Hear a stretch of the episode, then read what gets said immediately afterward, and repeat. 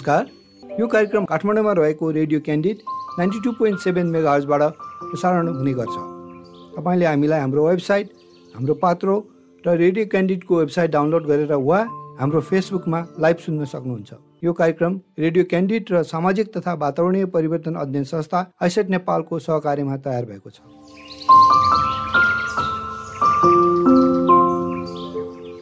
धरती र आकाशभित्र पर्ने हावा पानी र समग्र वातावरणसँग सम्बन्धित विषयबारे जानकारी यस कार्यक्रम मार्फत तपाईँलाई दिने प्रयास गरेका छौँ। वातावरण र जलवायु परिवर्तनसँग सम्बन्धित विषयलाई जो कोहीले पनि बुझ्न सक्ने सरल भाषामा प्रस्तुत गर्ने हाम्रो उद्देश्य हो।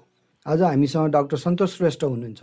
डाक्टर साहेब स्ट्रक्चरल इन्जिनियरिङमा विद्यावारती गरी दिगो उत्तानशील संरचना विशेष गरी हरित आवास भवन आचार संहिता र रेट्रोफिटिङमा काम गर्दै हुनुहुन्छ। आउनुहोस् आज हामी उहाँसँग जलवायु परिवर्तन र यी विषयहरूमा उहाँसँग कुराकानी गरौँ। डाक्टर साहेब स्वागत छ तपाईँलाई धरती आकाश कार्यक्रममा। धन्यवाद कञ्चनजी।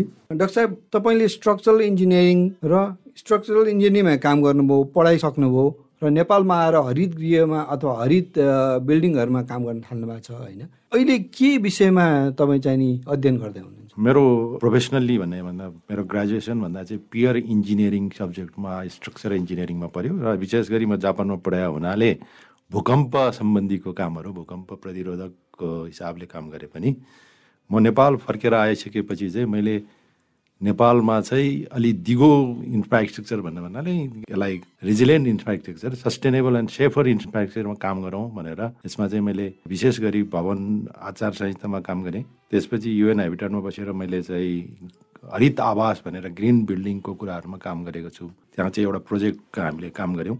नेपालमा एउटा ग्रिन बिल्डिङको इनिसिएटिभमा हामीले काम गऱ्यौँ। त्यसपछि मैले चाहिँ अहिले चाहिँ विशेष गरी मल्टी हाजर रेजिलेन्ट भनेर बहुप्रकोपको उत्थानशील भन्छ क्या अरे नेपालीमा। त्यसमा चाहिँ मैले काम गरिरहेको छु र विशेष रिसेन्टली चाहिँ अहिले चाहिँ म डिएफआइडीको एउटा हस्पिटल रेट्रोफिटिङ प्रोजेक्टमा रेट्रोफिटिङको काममा चाहिँ व्यस्त छु। सर तपाईँले दुई तिनवटा कुरा गर्नुभयो यहाँ होइन? एउटा हरित आवास भन्ने कुरा गर्नुभयो अर्को चाहिँ नि रेट्रोफिटिङको कुरा गर्नुभयो होइन? अर्को चाहिँ नि दिगो संरचनामा चाहिँ नि कस्तो किसिमले हामीले मल्टी हेजारबाट जानुपर्छ भन्ने कुरा गर्नुभयो। अब यसमा हामी छलफल गरेर सुरु गरौँ।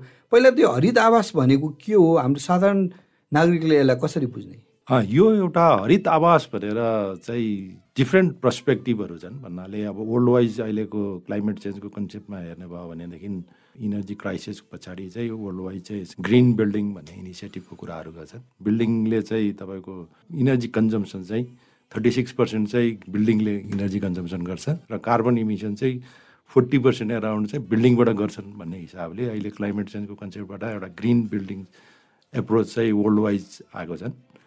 जनरली चाहिँ बाहिरको कन्टेक्समा ग्रिन बिल्डिङ भन्नाले बढी इनर्जी इफिसियन्सी बिल्डिङको कुराहरूलाई बढी कुराहरू गरिन्छ।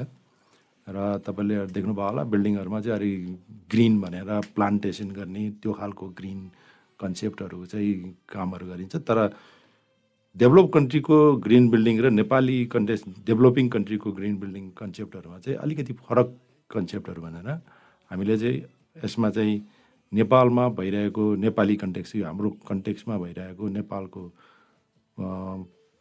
सुहाउँदो खालको चाहिँ ग्रिन ग्रिन हरित आवास हुनुपर्छ भन्ने हिसाबले विशेष गरी हरित आवास भन्नाले चाहिँ हामीले चाहिँ अहिलेको क्लाइमेट चेन्जको हिसाबको पर्सपेक्टिभमा low greenhouse gas emission गर्ने इनर्जी इफिसियन्सीको कुरा भइहाल्यो एउटा त्यसपछि लो वाटर कन्जम्सनको लेस वाटर कन्जम्सन हुने वेस्ट चाहिँ लेस कन् प्रोडक्सन गर्ने र सबभन्दा मेन कुरो चाहिँ यसको चाहिँ कम्फर्टेबली थर् थर्मल कम्फर्टेबली भन्छ अरे त्यो भित्रको जो मान्छेले चाहिँ घरलाई युज गर्छ उसको चाहिँ कम्फर्टेबली र हेल्दी हुनु पऱ्यो भन्ने कन्सेप्टमा चाहिँ ग्रिन बिल्डिङ भनेर हामीले अगाडि सारेका छौँ। यो जलवायु परिवर्तनको चाहिँ नि हामी इस्युमा कुरा गर्दाखेरि प्रमुख त हामीले ग्रिन हाउस ग्यासेस र यो एनर्जीहरू नै इमिसन कम गर्नु होइन?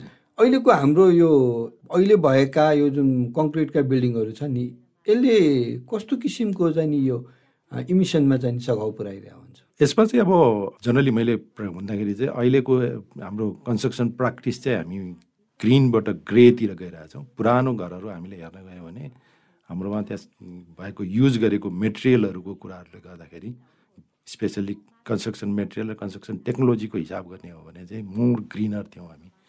पहिला हामी माटोको कुराहरू गर्थ्यौँ घरहरू पुरानो घरहरू। अहिले बिस्तारो हामी चाहिँ इन्जिनियरिङ मेटेरियलहरूमा युज गर्दैछौँ सिमेन्ट डन्डीको कुरा हुँदै चाहिँ फायर ब्रिकको कुराहरू पोलेको इँटाको कुराहरू गर्छौँ।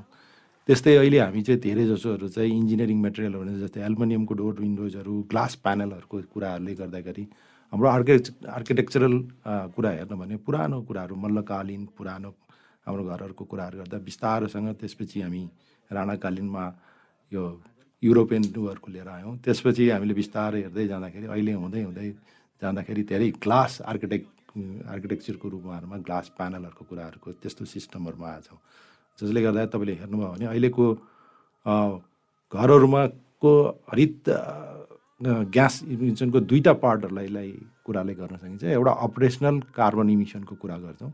बिल्डिङहरू युज गर्दाखेरि during the operation day to day युजमा चाहिँ हामीले कति कार्बन इमिसनहरू गर्छौँ भनेर अपरेसनल कार्बन इमिसनको कुरा भयो। जुन चाहिँ अहिले देख्नुहुन्छ हाम्रो बिल्डिङहरू चाहिँ बनाएको आर्किटेक्चर प्लानिङको हिसाबले हाम्रोमा ग्लास प्यानलको कुरा भए हाम्रो प्लानिङहरूको कुराहरूले गर्दाखेरि हामीलाई चाहिँ भित्रको थर्मल कम्फर्ट गर्नलाई हामीले मेकानिकल वेहरू गर्छौँ। जसले अहिले तपाईँको धेरै जसो चाहिँ हामीले पहिलाको कम्पेयरमा अहिले हेर्दै जानु भने एसीको युजहरू बढी भएको छन् मेकानिकल सिस्टमहरूको युजहरू बढी भएको छन् जसले चाहिँ कार्बन इमिसनमा डेमा चाहिँ अपरेसनल कार्बनको फुटप्रिन्टहरू चाहिँ बढिरहेको छन्। एउटा पार्ट हो भने अर्को चाहिँ बिल्डिङले निकाल्ने भनेको इन्भर्टेड कार्बन इमिसन भन्छौँ। जुनमा चाहिँ मेटेरियलहरूको कुराहरूले गर्दाखेरि मेटेरियल प्रडक्सनको कुराहरू भयो मेटेरियल ट्रान्सपोर्टेसन टु साइडसम्म कन्स्ट्रक्सन साइडसम्म आउँदा र कन्स्ट्रक्सन प्र्याक्टिसमा भएकोलाई जुन इन्भेन्टेड कार्बनको हिसाबले चाहिँ छन् र हामीले युज गरेको मेटेरियलहरू चाहिँ कार्बन इमिसन बढी भएको मेटेरियलहरूलाई चाहिँ बढी युज भन्नाले त्यसरी चाहिँ हामीले अहिले चाहिँ अहिलेको टेक्नोलोजीहरू चाहिँ अहिले आएको टेक्नोलोजीहरूमा चाहिँ बढी कार्बन इमिसनको कुराहरू स्पेसली हाम्रोमा अपरेसनल त बिस्तारो अरू देशको कम्पेरिजनमा अपरेसनल कार्बन इमिसन कम छन् होइन? सहरी एरियामा बिस्तारोसँग बढ्न थालेको छ। तर पनि हाम्रो अहिलेको जनरल प्र्याक्टिसमा चाहिँ हाम्रो इन्भर्टेड कार्बनको कुरो चाहिँ बढी देखिन्छ। त्यसरी चाहिँ कार्बन इमिसनको क्लाइमेट चेन्जको पर्सपेक्टिभमा यो एङ्गलबाट हेर्दाखेरि चाहिँ त्यो देखिन्छ। तर बिल्डिङको कुरा गर्दाखेरि कङ्क्रिटको बिल्डिङमा बसेपछि हामी सुरक्षित छौँ भन्ने त पहिलादेखि नै यो मान्छेमा आएको एक किसिमको साइकोलोजिकल हुनै हो होइन? यदि तपाईँले अरू अप्सन दिनुभयो भने पनि जस्तो भन्नु न परालको घर चाहिँ नि तराईहरूमा बस्ने अहिले पुरानो पुरानो चाहिँ नि अमेरिकाको सहरहरूमा हेर्नु हो भने परालको घरले चाहिँ झन् लोकप्रियता पाएको छ। यो एनर्जी कन्ज्युम्सनको र एनर्जी स्टोरेज रिस्टोरेसनको चाहिँ नि अथवा त्यो त्यसलाई रिटेन गरेर भित्र चाहिँ नि न्यानो बनाउने जाडोमा शीतल हुने कुराले। तर हामीहरूका यो लेभलको मानिसहरूमा मानसिकता डेभलप भएको छैन। कङ्क्रिटको बिल्डिङमा बस्यो भने हामी सुरक्षित छौँ भनेर यदि कङ्क्रिटको एफिसियन्सी हेर्ने हो भने फेरि तपाईँले अघि भन्नुभएको त यति धेरै हामीले एनर्जी दिनुपर्ने हुन्छ। जाडोमा चिसै भएर जान्छ गर्मीमा चाहिँ नि तातो हुन्छ। यसलाई हामी के कस्तो किसिमले चाहिँ नि हामी टेक्नोलोजी नयाँ टेक्नोलोजीले यसलाई रिप्लेस गर्न सक्छौँ यो एउटा चाहिँ च्यालेन्जिङ कुरो नै हो। अब डेभलप कन्ट्री र नेपाली कन्टेक्समा हामी चाहिँ अहिलेको हामी ट्रान्जिसन फेजमा हामी पहिलाको ढुङ्गा माटो र हाम्रो पुरानो टेक्नोलोजीबाट हामी कङ्क्रिटको टेक्नोलोजीमा आएको छौँ। भर्खर ट्रान्जिसन हाम्रो माइन्डसेट चेन्ज गर्नलाई हामीलाई गाह्रो छ होइन? त्यही कारणले गर्दाखेरि हामी अहिले कङ्क्रिटको प्लस हामी के छ अर्को एउटा चाहिँ भूकम्प जोखिमको जुन एरियामा बजेको छ हामीले सुरक्षित घर बनाउनु पर्ने आवश्यकता छ। र अहिलेकोमा भूकम्प प्रति मतलब सेफ बिल्डिङको हिसाबको कन्सेप्टमा चाहिँ तपाईँले देख्नुहुन्छ हाम्रो इन्जिनियरिङ एजुकेसनमै मात्रै हामीले के पढ्छौँ भने कि कङ्क्रिट कि डन्डी स्टिलको युज बाहेक अरू हाम्रो चाहिँ नलेज छैन। तपाईँले अहिलेको रिकन्स्ट्रक्सनमा हेर्नुभयो भनेदेखि सबै गाउँमा हेर्नुभयो भने तपाईँको त्यहाँ डन्डी र सिमेन्टको बाहेक अरू केही पनि गरिएन। सुरक्षित घर भनेर बनाउने भनेको डन्डी र सिमेन्ट हाम्रो पुरानो ट्रेडिसनल उसलाई रिप्लेस गरेर हामीले चाहिँ टोटल त्यसमा गर्छौँ। त्यो एउटा आवश्यकता पनि हो। भूकम्प प्रतिरोधलाई केही सुरक्षित बनाउनु पर्ने आवश्यकतालाई हामीले गर्नुपर्ने कुरा हो। तर हाम्रो ट्रेन चाहिँ हेर्ने हो भने हाम्रो पुरानो ट्रेडिसनल नलेज ट्रेडिसनल प्र्याक्टिसहरू चाहिँ हटाएर अहिले हामी चाहिँ आयातित बाहिरको टेक्नोलोजीहरूमा अगाडि छौँ। त्यो हाम्रो मेजर प्रब्लम भनेको हाम्रो इन्जिनियरिङ एजुकेसनमा हो। एजुकेसनमा हाम्रो टेक्नोलोजीहरू हामीले पढेनौँ। हामीले बाहिरकै कुराहरू पढ्दाखेरि त्यो बाहिरकै कुराहरूले गर्दाखेरि यो कङ्क्रिट टेक्नोलोजीमा आएको छ। तपाईँले भनेको जायज कुरा हो कि? अहिले तपाईँ हामी सबैलाई थाहा छ कि हामी पहिला बसेको घरहरूमा कति थियो? थर्मल कम्फर्टको हिसाबले हाम्रो बुढा स्पेसल्ली बालबच्चाहरू र हाम्रो सिनियर सिटिजन भनेको सिनियरलाई चाहिँ त्यो एउटा कम्फर्टेबलको कुराहरू छन्। अहिले धेरैले पनि भन्नुहुन्छ पहिला हाम्रो के अरे भएको पुरानो घर चाहिँ एकदम जाडोमा न्यानो थियो गर्मीमा चाहिँ शीतल हुन्थ्यो। अहिलेको घर त गर्मीमा बसिसक्नु हुँदैन पोल्छ जाडोमा चिसोले हैरान हुन्छ भन्ने कुराहरूले धेरै कुराहरू चाहिँ त्यस्तो देख्नुहुन्छ र धेरै कुरा तपाईँले हेल्थको सेक्टरबाट हेर्नुभयो भने जाडो याममा मान्छेहरू चाहिँ बुढाबुढीहरू चाहिँ स्पेसल्ली हार्टको र आजमाको प्रब्लम भएको मान्छेहरूको चाहिँ डेथहरू बढी चाहिँ तपाईँहरूको उसमा भएको छ यो हाम्रो बिल्डिङको इन्भाइरोमेन्टलको पर्सपेक्टिभको कुरा हो र हाम्रो डिजाइन पर्सपेक्टिभ हाम्रो चाहिँ के छ भने अहिले हामी डिजाइनहरू चाहिँ तपाईँले हेर्नुभयो भने सबै चाहिँ कटपेस्ट गर्ने चलन छ। आर्किटेक्चर प्लानिङ हेर्नुहोस् हाम्रो पुरानो ट्रेडिसनल जुन सिस्टम थियो हाम्रो डिजाइन एप्रोचहरू त्यो नभएर अहिले हामी कटपेस्ट बाहिरको टेक्नोलोजीहरूको कुरा गर्छौँ। त्यसैले गर्दाखेरि यो एउटा पार्टको कुराहरू चाहिँ हामीले हामी अब टेक्नोलोजीमा अगाडि जानुपर्ने छ नयाँ नयाँ मेटेरियलहरू आछन् नयाँ नयाँ कुराहरू आछन् मान्छे अब विशेष गरी यहाँ चाहिँ अर्को के पर्सपेक्टिभ देखिन्छ नि हाम्रो बाहिर जान्छौँ हामी त्यो कुरो देख्छौँ त्यसलाई हामी रिप्लिकेट गर्न खोज्ने कारणले गर्दाखेरि यो खालको कुराहरू छन्। त्यसैले अब हाम्रो पुरानो ट्रेडिसनल टेक्नोलोजीहरू जुन चाहिँ हाम्रो थियो त्यसैले त्यसलाई चाहिँ मैले ग्रिन भन्न खोजेर अब हामी ग्रेतिर गइरहेको भन्ने कुराहरू चाहिँ यो प्र्याक्टिस अब अहिलेको माइन्डसेट चाहिँ हामी ट्रान्जिसन फेज भएकोले हामी ब्याक हुन सक्दैनौँ। होइन? अब तराईतिर तपाईँले भन्नुभयो भने पिलर सिस्टमको घर भएन भने छोरी दिँदैनन् भन्ने खालको कन्सेप्ट पनि छन्।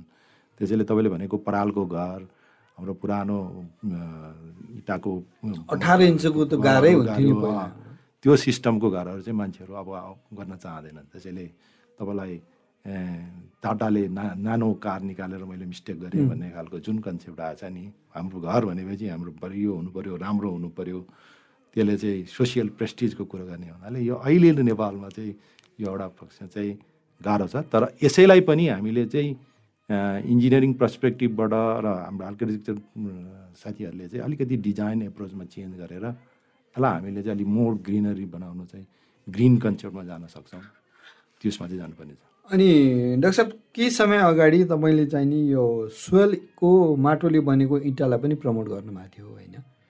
र कङ्क्रिटको डेब्रिजको हिसाब गर्ने हो भने एउटा कङ्क्रिट घर भत्काएपछि त्यसको डेब्रिज डिके हुनलाई कति समय लाग्छ? र अहिलेको हामीले गर्ने रिसोर्स मेटेरियल तपाईँ नयाँ यो हरित हरित चाहिने बिल्डिङको मेटेरियल्स छ त्यसलाई चाहिँ डिके हुन र माटो प्रकृतिसँग मिल्नलाई कति टाइम लाग्छ?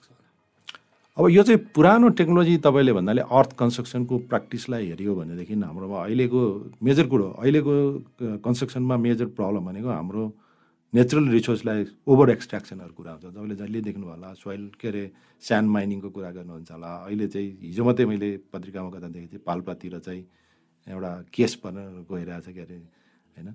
चुनढुङ्गाको उत्खण्डनको के के कुराहरूले गर्दाखेरि। यो त्यो प्र्याक्टिसले गर्दा एक खालको एउटा इफेक्टहरू छन्। अब तपाईँले भने जस्तो यसलाई कङ्क्रिटको कुराहरू र मेजर कुरो त कङ्क्रिटको लाइफको कुराहरू पनि गर्न सकिन्छ। हाम्रो अहिले कङ्क्रिटको लाइफ भन्नाले हामीले फिफ्टीदेखिको एट्टी इयर्सको त्यो पिचको त्यो पिचको पिरियड भन्छौँ। त्यतिलाई हामीले कन्सिडर गर्छौँ। स्पेसल्ली जापानमा त तपाईँको कुनै पनि स्ट्रक्चरहरू छन् भने तपाईँको पचास वर्षको पब्लिक स्ट्रक्चरहरू हाइराइज बिल्डिङहरू त्यो भने पचास वर्षको भएपछि त्यसलाई डिमोलिस गर्ने चाहिँ प्र्याक्टिस छ सुरक्षितको हिसाबले। किनकि यसको एज गइसकेको हुन्छ। तर हामी अहिले यहाँ के प्र्याक्टिस गर्दैछौँ भने तपाईँ धरहरालाई हेर्न सक्नुहुन्छ। हाम्रो चाहिँ हामी धरहरा चाहिँ के गर्थ्यौँ भनेलाई भने एउटा अर्थक्विक पिरियडको लागि भनेको को लागि चाहिँ हामीले बनाइरहेछौँ पचास वर्षको लागि त्यो स्ट्रक्चर बनाइरहेछौँ कङ्क्रिटको। हाम्रो अर्थक्विक साइकल भनेको पचहत्तरदेखि सय वर्षको छ। अब हामी केमा जोड गरेको छ भने कङ्क्रिटको स्ट्रक्चर बनाएर धरहरा बनाइरहेका छौँ। त्यो भनेको एक अर्थक्विक साइकलमा हो। यदि एक अर्थक्विक साइकलमा बनाउनु पर्दैन भने पुरानै धरहरालाई हामीले मेन्टेन गरेर त्यसमा गरे भने त हुन्थ्यो होला भन्ने मौलिकता पनि हाम्रो रहन्थ्यो होला। त्यो त्यत्रो इन्भेस्ट गर्नु पर्दैन भन्ने कुराहरूको। त्यसैले तपाईँले यो रिसाइकलको कुराहरू गर्दा र मैले चाहिँ अलिकति ग्रिनको कुरा गर्दाखेरि मोर नेचरसँग बस्न हुने जस्तो चाहिँ बिल्डिङको चाहिँ लाइफ साइकलको कुराहरू गर्छौँ। कन्स्ट्रक्सन डिजाइनदेखि कन्स्ट्रक्सन कन्स्ट्रक्सन भएपछि अपरेसन अपरेसन भएपछि त्यसको डिमोलिस हुँदाखेरि पनि त्यो चाहिँ त्यसले चाहिँ नेचरलाई इफेक्ट नहोस् भन्ने कुराको मेजर कुराले गर्दा पुरानोलाई तपाईँले अर्थ कन्स्ट्रक्सनको कुरा गर्नुभयो भने त्यसलाई चाहिँ यदि हामीले डिमोलिस गऱ्यौँ भने त्यसलाई हामी नेचरमा नै त्यो जान सक्छ र त्यसलाई केही डिफेक्टहरूको इन्भाइरोमेन्टल इफेक्टहरू नहुने। तर कङ्क्रिटलाई चाहिँ अब त्यसको डेब्रिजहरूलाई चाहिँ म्यानेज गर्न चाहिँ अलिकति गाह्रो हुने हुनाले अलिकति अब अहिलेको नयाँ उसमा चाहिँ अब रिसाइकल गर्ने टेक्नोलोजीहरू चाहिँ डेभलप गरेका छन् त्यसैले गर्दाखेरि डेब्रिजलाई रिसाइकल गरेर फेरि रियुज गर्ने भन्ने कुरामा चाहिँ छ। यो खालको कन्सेप्ट चाहिँ छ। अब फेरि हामी मल्टी हेजर्डतिरै अलिकति फर्कौँ होइन। तराईमा हेर्ने हो भने बाढी आउँछ। तर पहाडमा गएर हेर्नुहुन्छ भने त्यहाँ भूकम्प पनि आउँछ बाढी पनि आउँछ पहिरो पनि आउँछ होइन। फेरि अर्को ठाउँमा कुनै हुन्छ कुनै हुँदैन भनेपछि हामी कुनै पनि ठाउँमा एउटा मात्र होइन विभिन्न किसिमको प्रकोपहरू चाहिँ नि आइरहेको हुन्छ। र अबको दिनहरूमा यदि हामी जलवायु मैत्री घरहरू बनाउने हो भने हरित हरित बिल्डिङहरू बनाउने भने यो सबैलाई चाहिँ नि बनाउनु पर्ने हुन्छ होइन? तपाईँले गरिरहेको अहिलेको कुनै पनि प्रोजेक्टहरूमा यो कुन कुन विपदहरूलाई ध्यान दिएर यो यस्तो किसिमको बिल्डिङहरू बनाइरहनु अहिलेको एउटा आवश्यकता भनेर नेपालमा अहिले नै मैले अघि अगाडि सुरु गरेँ। अलिकति चाहिँ हाम्रो पुनर्निर्माणको कुरा गर्दाखेरि चाहिँ हामी बढी चाहिँ जहिले पनि यो भूकम्पको पछाडि मात्रै होइन योभन्दा अगाडिको कुराहरू जस्तै कोचीको फ्लड आयो पछाडिको कुरा गरौँ मेन डिजास्टर पछाडिको। हामीले जब चाहिँ रिकन्स्ट्रक्सनको काम गर्छौँ त्यसमा चाहिँ हामी एउटा डिजास्टरलाई फोकस गऱ्यौँ जस्तै कोचीमा बाढी आयो त्यसलाई चाहिँ बाढीसँग त्यसलाई कसरी सुरक्षित गर्ने भन्ने खालको घरहरू बनायौँ। काहीँ आगो लागि भयो भने आगो लागिको हिसाबले हेर्छौँ भने काहीँ अहिले चाहिँ हामी भूकम्पको हुनाले भूकम्प प्रतिरोधक घरहरूको कुराहरू गर्छौँ। यसैले गर्दा एउटा डिजास्टरलाई मात्रै हेर्ने हाम्रो चलन छ। तर यसरी सरसर्ती हेर्दाखेरि हाम्रो भुइँचालो त हाम्रो सर्टेन पिरियड पछि आउँछ होइन? तर हामीले वर्षै पछि चाहिँ धेरैवटा डिजास्टरहरू भन्नाले प्रकोपहरूको जस्तै बाढीको कुरो भयो पहिरोको कुरो भयो मेजर कुरो अहिले तपाईँले सहरी एरियामा हेर्नु भने आगो लागिको कुराहरू चट्याङहरूको कुराहरूको कुरा भए होइन? हुरी बतासको कुराहरू भए यी कुराहरूलाई चाहिँ हामीले त्यस सँगसँगै अहिलेको क्लाइमेटको कुरा गर्नुहुन्छ भनेदेखि अहिले क्लाइमेटले एक्सट्रिम वेदर केसले गर्दाखेरि धेरै डिजास्टरहरूको कुराहरू चाहिँ भइरहेछन्। अर्बान एरियामा अर्बान फ्लडिङको कुराहरू। यो कुराले गर्दाखेरि अहिलेकोमा चाहिँ नट ओन्ली मतलब मतलब बिल्डिङलाई मात्रै होइन इन्फ्रास्ट्रक्चरको कुराहरूलाई हेर्दाखेरि पनि अलिक मल्टी एज अ रेजिलियन्ट इन्फ्रास्ट्रक्चरमा जानुपर्छ भन्ने कुरा चाहिँ अहिले हामीले एडभोकेसी गरिरहेको छौँ म अहिले स्वास्थ्य मन्त्रालय मा काम गर्दैछु। एज अ एडभाइजर मैले युके एडको उसको प्रोजेक्टमा चाहिँ मैले हस्पिटल रेट्रोफिटिङको कुराहरू गरेछौँ त्यसैले अहिलेको इन्फ्रास्ट्रक्चरमा चाहिँ हामीले मल्टी हेजर कन्सेप्टमा जानुपर्ने र एउटा डिजास्टरमा त होइन अरू डिजास्टरलाई कामलाई पनि इन्कर्पोरेट गरेर जानुपर्छ भन्नेमा हामी काम गरिरहेको छौँ। र अहिले हामीले हस्पिटल रेट्रोफिटिङमा पनि हामीले रेट्रोफिटिङमा एउटा नयाँ एप्रोचको कुराहरूलाई गरेका छौँ। जुनमा चाहिँ हामी अहिले तिनवटा कम्पोनेन्टलाई हामी कुरा गर्छौँ। रेट्रोफिटिङ भन्नाले चाहिँ मा चाहिँ स्ट्रक्चरल रेट्रोफिटिङ भनेर जुन भूकम्प प्रतिरोधकको कुराहरूलाई बढी मात्रै कुरा हिँड्छ अहिले नेपालमा बुझ्ने नै रेट्रोफिटिङ भने के भने भूकम्प प्रतिरोधक बनाउने स्ट्रक्चरल रेट्रोफिटिङ गर्ने भन्ने कुरा हाम्रो बुझाइ अहिलेसम्म त्यही छ। त्यो छ। अहिले हामीले चाहिँ त्यसलाई मात्रै होइन स्ट्रक्चर रेट्रोफिटिङ मात्रै गरेर हुँदैन। त्यसलाई चाहिँ एउटा फङ्सनल रेट्रोफिटिङ गर्नुपर्छ। यो फङ्सनल्ली पनि हुनु पऱ्यो रेट्रोफिटिङ गर्ने बलियो बनाइदिने तर फङ्सन हुन नसक्ने होइन? त्यस्तो खालको बिल्डिङ बनाएर भएन। फङ्सनल रेट्रोफिटिङ हुनु पऱ्यो फङ्सनल स्ट्यान्डर्डहरूको अहिलेको आधारमा त्यो फङ्सनल हुनुपर्छ भन्ने खालको काम गरेका छौँ भने अर्को चाहिँ हामीले ग्रिन रेट्रोफिटिङ भनेर अहिलेको कन्सेप्टमा चाहिँ हामीले ग्रिनको कन्सेप्टबाट भन्नाले अहिले तपाईँले भने जस्तै क्लाइमेट चेन्जको इम्प्याक्टको कुराहरू भए उसको हस्पिटलमा तपाईँले हेर्नुभयो भने त्यहाँ वेस्ट म्यानेजमेन्टको प्रब्लम छ वाटर को प्रब्लम छ त्यसपछि तपाईँलाई इनर्जीको प्रब्लमहरू छन्। अनि त्यसो सबभन्दा कुरो चाहिँ इन्डोर एयर क्वालिटीको प्रब्लमहरू छन्। त्यसैले गर्दाखेरि हामीले त्यो कन्सेप्टलाई लिएर हामीले अहिले रेट्रोफिटिङमा पनि स्ट्रक्चरल रेट्रोफिटिङमा पनि हामीले एउटा मात्रै पक्षलाई हेरेनौँ अर्थक्विकलाई मात्रै हेरेनौँ। त्यहाँ अरू ह्याजर्डहरूको कुराहरू अरू डिजास्टरहरूको फ्लडको जस्तै फ्लडको कुराहरूलाई गऱ्यो भने फ्लडको प्रोपोर्सेटको कुराहरूलाई गर्छौँ। फायरको कुरालाई हामीले फायरको कुराहरू गरेछौँ जस्तै लाइटनिङको कुरालाई लाइटिङको कुराहरू गरेका छौँ। यसरी चाहिँ हामीले एप्रोचले अगाडि बढाएको छौँ। डाक्टर साहब यो पेरिस एग्रिमेन्ट अनुसार यदि हेर्ने हो भने हामी जुन लेभलबाट हामी हरित गृह ग्यास घटाउँछौँ अथवा एनर्जीमा चाहिँ हामी ब्यालेन्स गर्छौँ भन्ने हाम्रो कमिटमेन्ट छ। नेपालले पनि गर्यो। हामी चाहिँ नि दुई हजार पैँतालिससम्ममा हामी चाहिँ नेट जिरो अथवा ब्या न्युट्रलाइज कार्बन न्युट्रलमा चाहिँ नि हुन्छौँ भनेर कमिटमेन्ट भयो होइन। र अरू देशहरूको अरू भनौँ न अस्सीवटा भन्दा बढी देशहरूले त्यसलाई आत्मसात गरेर आफ्नो बिल्डिङ कोडहरू रिभाइज गरेर अगाडि बढिसकेका छन्। भने हामी कहाँ छौँ? नेपाल। तपाईँले भने जस्तो नेट जेरो बिल्डिङमा जाने भनेर जुन चाहिँ पेरिस के मा चाहिँ पेरिस के भन्छ त्यसलाई. पेरिस एग्रिमेन्टको आधारमा चाहिँ त्यसको जाने भनेर कमिटमेन्ट गरेछ। रिसेन्टली एक सय छत्तिसवटा देशले चाहिँ कमिटमेन्ट गरेको छ जसमा चाहिँ असीवटा देशले चाहिँ यसको उसमा चाहिँ नेट जेरो बिल्डिङ जानको लागि उनीहरूले मेजर कुरो चाहिँ कुरो चाहिँ के भन्छ भने पोलिसी लेभलबाट आउनु पऱ्यो पोलिसी लेभलमा पनि विशेष गरी भवन आचार संहिता बिल्डिङ कोडको कुराहरू गर्छन् र इनर्जी कोडहरूको चाहिँ डेभलपमेन्टहरू भइसकेको छ। नेपालमा चाहिँ अब अहिले बिल्डिङ कोड भन्नाले नै चाहिँ हामी चाहिँ भूकम्प प्रतिरोधकको हिसाबले चाहिँ यो अर्थक्विकसँगको हिसाबले मात्रै कोडहरू चाहिँ बनाइएको छन्।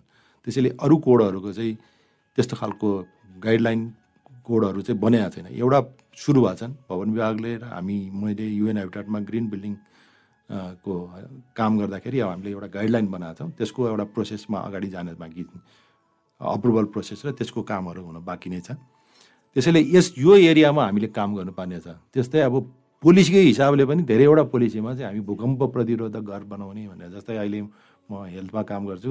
हेल्थ पोलिसीमा हेल्थ इन्फ्रास्ट्रक्चर चाहिँ भूकम्प प्रतिरोधक हुनु पऱ्यो कि त्यसमा चाहिँ चाइल्ड फ्रेन्डली डिसेबल फ्रेन्डली हुनु पऱ्यो भन्ने कुरा गर्छ। तर अरू डिजास्टर अरू कुराहरूको कुराहरू यो पार्टहरूमा कुरा गरिन्छन्। त्यसैले अहिले हामीले मेजर चाहिँ भवन आचार संहिता चाहिँ यस्तो खालको चाहिँ आउनु पऱ्यो बिल्डिङ कोड चाहिँ ग्रिनको कन्सेप्टबाट र मल्टिहाजरको पर्सपेक्टिभमा जानुपर्छ भन्ने चाहिँ एउटा पार्ट छ र पोलिसी लेभलमा यो कुराहरू अगाडि जानुपर्छ। डाक्टर साहब जाँदा जाँदा एउटा अन्तिम प्रश्न।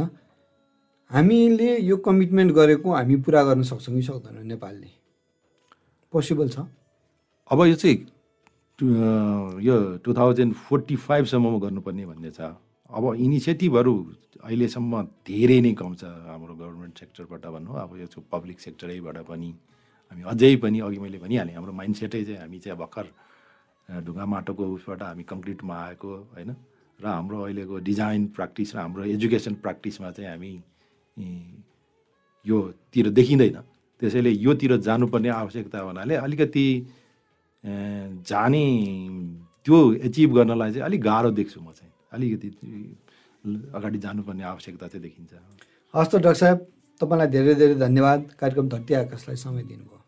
हस् थ्याङ्क यू रञ्जनजी मलाई पनि केही कुरो राख्ने मौका दिनुभयो।